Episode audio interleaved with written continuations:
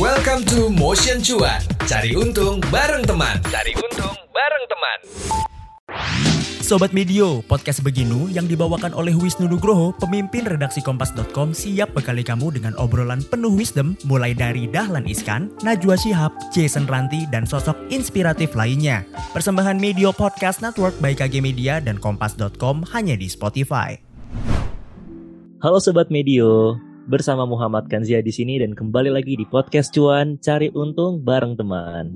Di episode kali ini kita akan membahas beli saham luar negeri. Sebelum mendengarkan episode kali ini, jangan lupa follow dan kasih rating terbaikmu untuk podcast Cuan di Spotify serta nyalakan notifikasinya ya supaya kamu bisa terinfo setiap ada episode terbaru yang tayang di hari Senin, Rabu, dan Jumat. Buat sobat medio yang mau tahu lengkap seputar investasi, boleh langsung beli bukunya Mbak Joyce Taurisanti yang berjudul Dunia Saham Tak Seindah di Sosial Media. Kamu juga bisa mendapatkan informasi menarik seputar keuangan dengan berlangganan di kompas.id. Karena tiap hari Senin akan ada kolom investasi dari Mbak Joyce langsung loh. Nah, sudah banyak produk dari perusahaan luar negeri yang bisa kamu nikmati di Indonesia. Misalnya, ada Apple, Google, Meta, bahkan Tesla. Apakah Sobat Medio pernah terpikir untuk memiliki saham dari perusahaan-perusahaan tersebut? Punya saham perusahaan asing udah bukan mimpi lagi loh. Sekarang, kita udah bisa membeli saham perusahaan asing berskala global dengan mudah karena kemajuan teknologi. Misalnya, Amerika Serikat baru saja memperbolehkan investor dari luar negeri untuk berinvestasi dengan memiliki saham di perusahaan yang berbasis di negaranya. Wah, kira-kira gimana ya cara dan apa aja keuntungannya? Hari ini kita akan menemukan jawabannya bersama Mbak Joyce Taurisanti, Certified Financial Planner, jurnalis harian Kompas di kompas.id, dan penulis tentang financial planner dan investasi. Selamat siang Mbak Joyce. Siang kan sih, apa kabar? Baik dan selalu segar nih Mbak Joyce ngomongin Asik. cuan soalnya. Oke Mbak Joyce sendiri gimana? Apa kabar? Baik kan sih, tetap semangat dong, semangat cari cuan. Tadi udah dibahas sedikit nih Mbak Joyce soal bagaimana saham perusahaan luar negeri itu udah bisa dibeli secara internasional gitu ya. Nah, kira-kira Mbak Joyce uh, untuk aku yang sangat-sangat awam terhadap saham luar negeri nih, ada nggak sih Mbak perbedaan syaratnya ketika kita membeli saham perusahaan luar negeri dan membeli saham perusahaan lokal? Syaratnya sih nggak ada, Sa- sama aja, harus punya duit. Iya punya duit doang sih. Kita buka dulu akun nih kan sih akun yang bisa mengakses kita untuk ke market misalnya market terbesar kan ada di US ya. Aku contohin aja US. Kita eh, beli saham-saham yang sedikit saya bilang tadi Apple lah, apa tuh Starbucks, McDonald gitu. Kita bisa loh. Kan saya tahu nggak dulu tuh aku kalau misalnya ngantri di McDonald tuh sebel ya. Gila antrian panjang banget sih. Cuma begitu punya saham, eh kita tuh punya point of yang beda loh. Ya syukur deh pada rame yang ngantri di McD.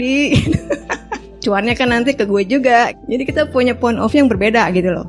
Nah balik lagi, gimana sih caranya kita beli saham-saham kayak gitu? Padahal kita di Indonesia ya, itu sekarang eh, bisa kan sih? Persyaratannya sih sama aja. Kayak kita punya KTP, SIM, dan paspor kartu NPWP itu semua bisa kita gunakan buat kita daftar eh, sepanjang kartu identitas itu dikeluarkan oleh pemerintah. Lalu eh, mereka juga minta namanya ini proof of address. Jadi antara alamat di KTP kita dengan alamat kita sendiri itu harus sama. Nah, kita harus melampirkan namanya kayak billing, billing tagihan listrik, bisa air, bisa atau kartu kredit, tapi kartu kredit dari bank asing. Atau teman-teman punya rekening saham di brokerage asing. Kan kita juga banyak ya brokerage campuran atau bank bank campuran gitu. Itu itu bisa. Lalu itu eh, kita submit aja dan itu eh, semuanya online. Kita nggak perlu ngasih email pun nggak perlu gitu loh. Kita cuma ya kayak teman-teman buka itulah, buka apa? Bank digital di sini. Ada selfie terus kita masukin foto terus kita masukin ah kita scan. Eh, kayak kayak gitu aja. Tapi perlu diingat teman-teman tidak semua uh, broker di Amerika itu bisa menerima nasabah non US resident. Hanya ada beberapa. Tapi belakangan memang semakin banyak. Ataupun kalau ada brokers yang besar dia minta depositnya gede juga. Pokoknya kalau kita kita belum mampu deh. Gitu kan sih Hmm, tapi sebenarnya untuk membayarnya itu kita pakai mata uangnya berarti mata uang perusahaan yang mau dibeli atau mata uang sini Mbak Joyce? mata uangnya pakai dolar makanya kita juga harus punya uh, rekening dolar kan sih Oh, Oke. Mm, rekening dolar. Tapi teman-teman jangan takut. Sekarang ini udah ada bank yang bank digital yang bisa kita transfer dalam dolar dan itu masih gratis. Kalau bank-bank yang lama itu kan kena fee 25 dolar loh sekali transfer. Gede banget ya mbak. Iya, aku ketemu bank yang dia itu masih promo sekarang. Mudah-mudahan panjang nih promonya. Masih free walaupun kita transfer ke luar negeri dan itu nyampe nya tuh 4 jam. Oh Itu oke. Karena kalau kita transfer dari sini tuh muter-muter kan sih dari Indonesia, ntar dia ke branch luar negeri yang paling deket, lalu ke bank koresponden lagi, pokoknya bisa nyampe 4 bank lah lewat-lewatnya gitu. Nah itu 4 jam, Oke. nyampe nya baru nyampe sana tuh 4 jam. Nggak kayak kita ya, kita kan kalau transfer ini seketika gitu, itu belum belum bisa karena Hmm, harus hmm. melewati banyak bank. I see. Oke, menarik banget nih Mbak Jess ngomongin soal saham perusahaan luar negeri gitu ya. Nah, misalnya aku, oke aku misalnya udah tertarik banget nih Mbak, tapi sebelum aku membeli, pasti kan ada banyak banget daftar saham yang bisa dibelikan Mbak. Itu kira-kira sebenarnya apakah saham perusahaan luar negeri itu secara keseluruhan nilai returnnya itu akan selalu lebih baik daripada saham dalam negeri Mbak? Eh, ya enggak juga, ada yang lebih baik, ada yang enggak gitu. Tergantung kita pilihnya apa.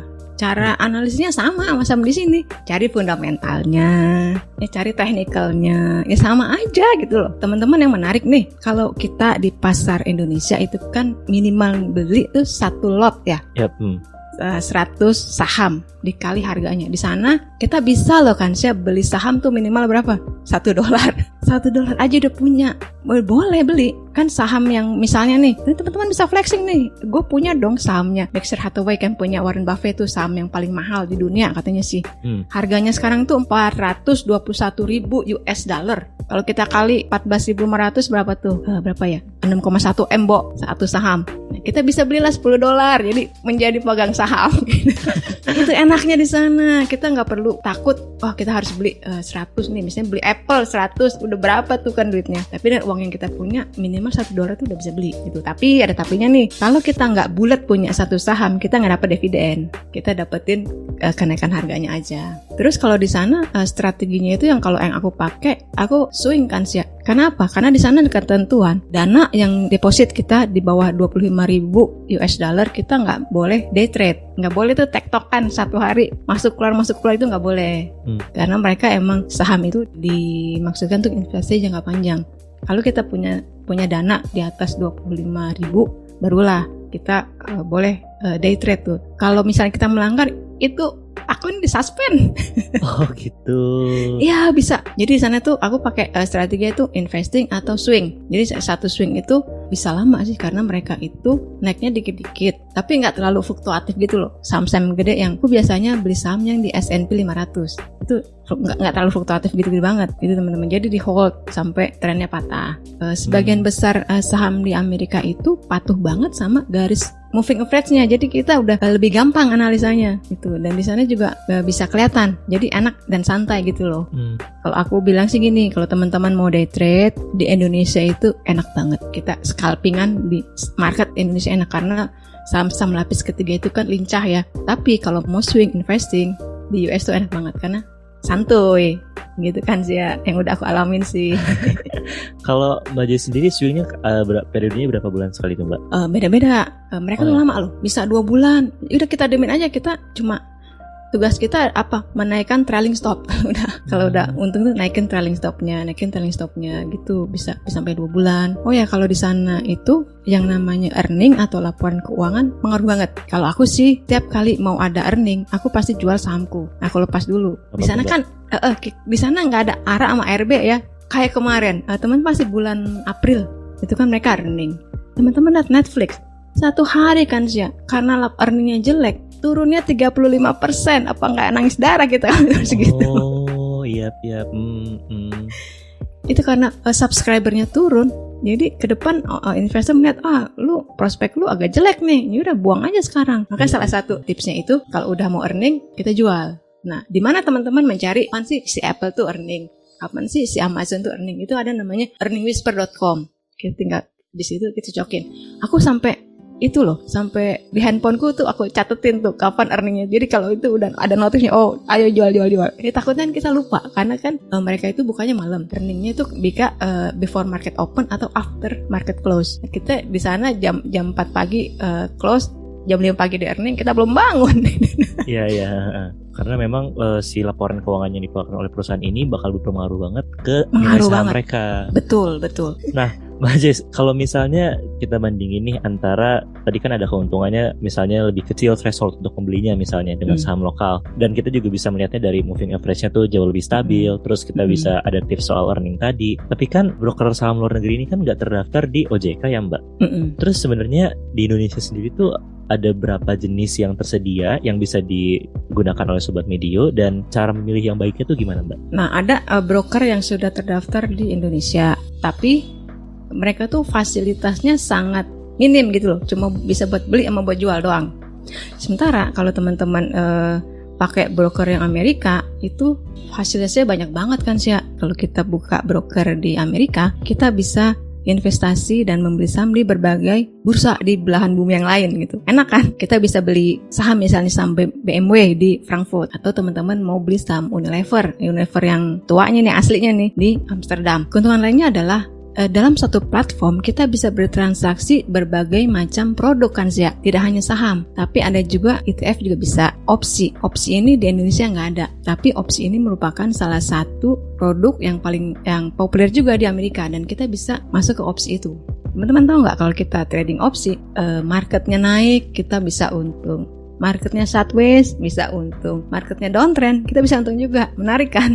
Waduh, untuk mulu terus Mbak. Untung mulu beneran karena opsi ini. Lalu uh, Kansya tadi tanya itu kan nggak termasuk di OJK ya memang tidak. Dan itu kalau misalnya ada dispute teman-teman selesaikan sendiri sama brokernya sana. Tapi teman-teman kan ingat bahwa aturan-aturan di pasar modal Amerika itu jauh lebih ketat ketimbang aturan-aturan pasar modal di tempat kita. Itu. Dan selama ini kalau kita berinvestasi di melalui broker Amerika eh, itu sejauh ini sih tidak ada eh, dispute yang kayaknya seperti misalnya uangnya hilang. Itu belum pernah ada tuh. Kalau sampai ada begitu dia harus eh, masuk ke SEC gitu kira-kira kan sih Oke, jadi adanya broker di Amerika sendiri itu jadi salah satu alternatif untuk sobat medio yang ingin mencoba untuk beli saham gitu ya Mbak sebenarnya. betul. Dan minimal itu depositnya mereka biasanya minta sekitar 2000-an 2000 2000 dolar. Eh. I see. Nah, mungkin ini sebelum kita masuk pertanyaan terakhir ya Mbak, kalau gitu misalnya nih kita pengen mau membeli saham perusahaan luar gitu ya Mbak. Nah, itu apakah kita juga harus melihat si mata uangnya juga gitu Mbak, apakah lagi menguat dan menurun ya? kalau mata uang di sana itu kan lebih stabil kan sih kita kan di Wall mengirimnya di dolar Hmm. Eh, dolar itu lebih stabil ketimbang kalau investor asing investasi di Indonesia gitu. Menurut aku sih kurs antara rupiah dengan dolar itu bukan menjadi isu. I see. Jadi memang eh, bukan menjadi isu dan bisa lah ya asal kita mau nabung dulu gitu ibaratnya Mbak Joyce. Betul. Untuk ngisi deposit awalnya. Oke. Eh, 2000 dolar itu teman-teman eh, bisa mulai beli saham Apple. Oke deh Mbak Joyce, ini mungkin pertanyaan terakhir nih. Ada nggak yang mau Mbak Joyce sampaikan ke pendengar cuan terkait pembahasan kita nih seputar pembelian saham luar negeri? Hmm, Berinvestasi eh, saham di luar negeri itu merupakan eh, salah satu diversifikasi aset kita dan juga membuka peluang kita untuk menambah pendapatan. Itu kayak kita punya ini loh, punya sawah dua gitu loh. Misalnya sawah di sini kering, sawah di sana lagi hijau. Ya kita panen yang di sana. Atau sebaliknya di sana tuh lagi kering. Ya kita panen sawah yang di sini. Jadi walaupun apa kerjaannya lebih keras karena ini kan eh, di US market itu dia bukanya jam setengah sembilan atau jam setengah sepuluh itu tergantung musimnya musim apa. Kalau sekarang lagi jam setengah sembilan. Nah itu ada cara-cara teman-teman nggak perlu begadang, jangan jangan takut kan sih ya karena kita beda waktu ya Hmm. nggak usah perlu begadang karena kalau teman-teman ke broker yang lengkap yang di Amerika itu itu kita bisa pasang namanya bracket order. Tolong belikan saya misalnya saham Apple kalau dia harganya di atas harga penutupan kemarin maksimal pada harga sekian gitu. Itu bisa tuh terus kita tinggal tidur. Aku sih gitu, aku kan nggak mau begadang ya. Ih, pagi kita udah kerja kan sih ya. Nah itu broker itu mempunyai fasilitas seperti itu. Jadi pagi-pagi kita buka nih, ternyata ordernya uh, kefill, ordernya itu uh, jadi gitu. Dan, nah kita tinggal amati lagi nanti gimana. Itu aja sih kalau aku dan teman-teman ini banyak sekali produk-produk keuangan di Amerika yang nggak ada di sini dan seperti aku bilang tadi kayak opsi saham, eh opsi, opsi itu bisa opsi saham, kita bisa uh, opsi future, macam-macam. Jadi peluang kita untuk mendapatkan cuan itu lebih gede kan sih. Gimana gimana? Senang nggak senang nggak? Senang banget dong. Tapi tentu ada syaratnya nih, teman-teman sobat medio. Syaratnya apa? Belajar. Walaupun aku bilang tadi kan eh, cara kita pilih saham tuh sama, fundamental dan teknikal. Tapi kita harus belajar juga kebiasaan-kebiasaan yang apa yang boleh dan tidak boleh yang ada di bursa sana. Kayak tadi itu kita nggak boleh day trading kan kalau Hmm. cuma di bawah 25 ribu atau kita harus perhatikan earning. Hal-hal kayak itu itu kita akan kita eh, dapati ketika kita udah terjun gitu. Oke, terima kasih banyak Mbak Joyce untuk waktunya di episode kali ini. Oke, untuk Samsat episode kali ini ada pembahasan soal bagaimana tips sebelum earning sebuah perusahaan dikeluarkan, terus gunakan sistem bracket order, terus yang paling penting adalah ada duitnya dulu Sobat Medio sebelum kita memulai untuk beli saham di luar negeri. Oke, sekian dulu podcast kali ini. Thank you banyak loh Mbak Joyce waktunya. Sama-sama kan Sia. Untuk Sobat Medio, jangan lupa follow at Medio by KG Media atau kirimkan saran ke email podcast at kgmedia.id dan dengarkan terus podcast Cuan di Spotify untuk mendapatkan inspirasi menarik seputar pengelolaan keuangan, investasi, hingga aktivitas finansial lainnya. See you on the next episode Sobat Medio. Bye bye. Itu dia Motion Cuan. Cari untung bareng teman di minggu ini. Tungguin obrolan-obrolan seru lain di Motion Cuan. Cari untung bareng teman. Sampai ketemu di episode minggu depan.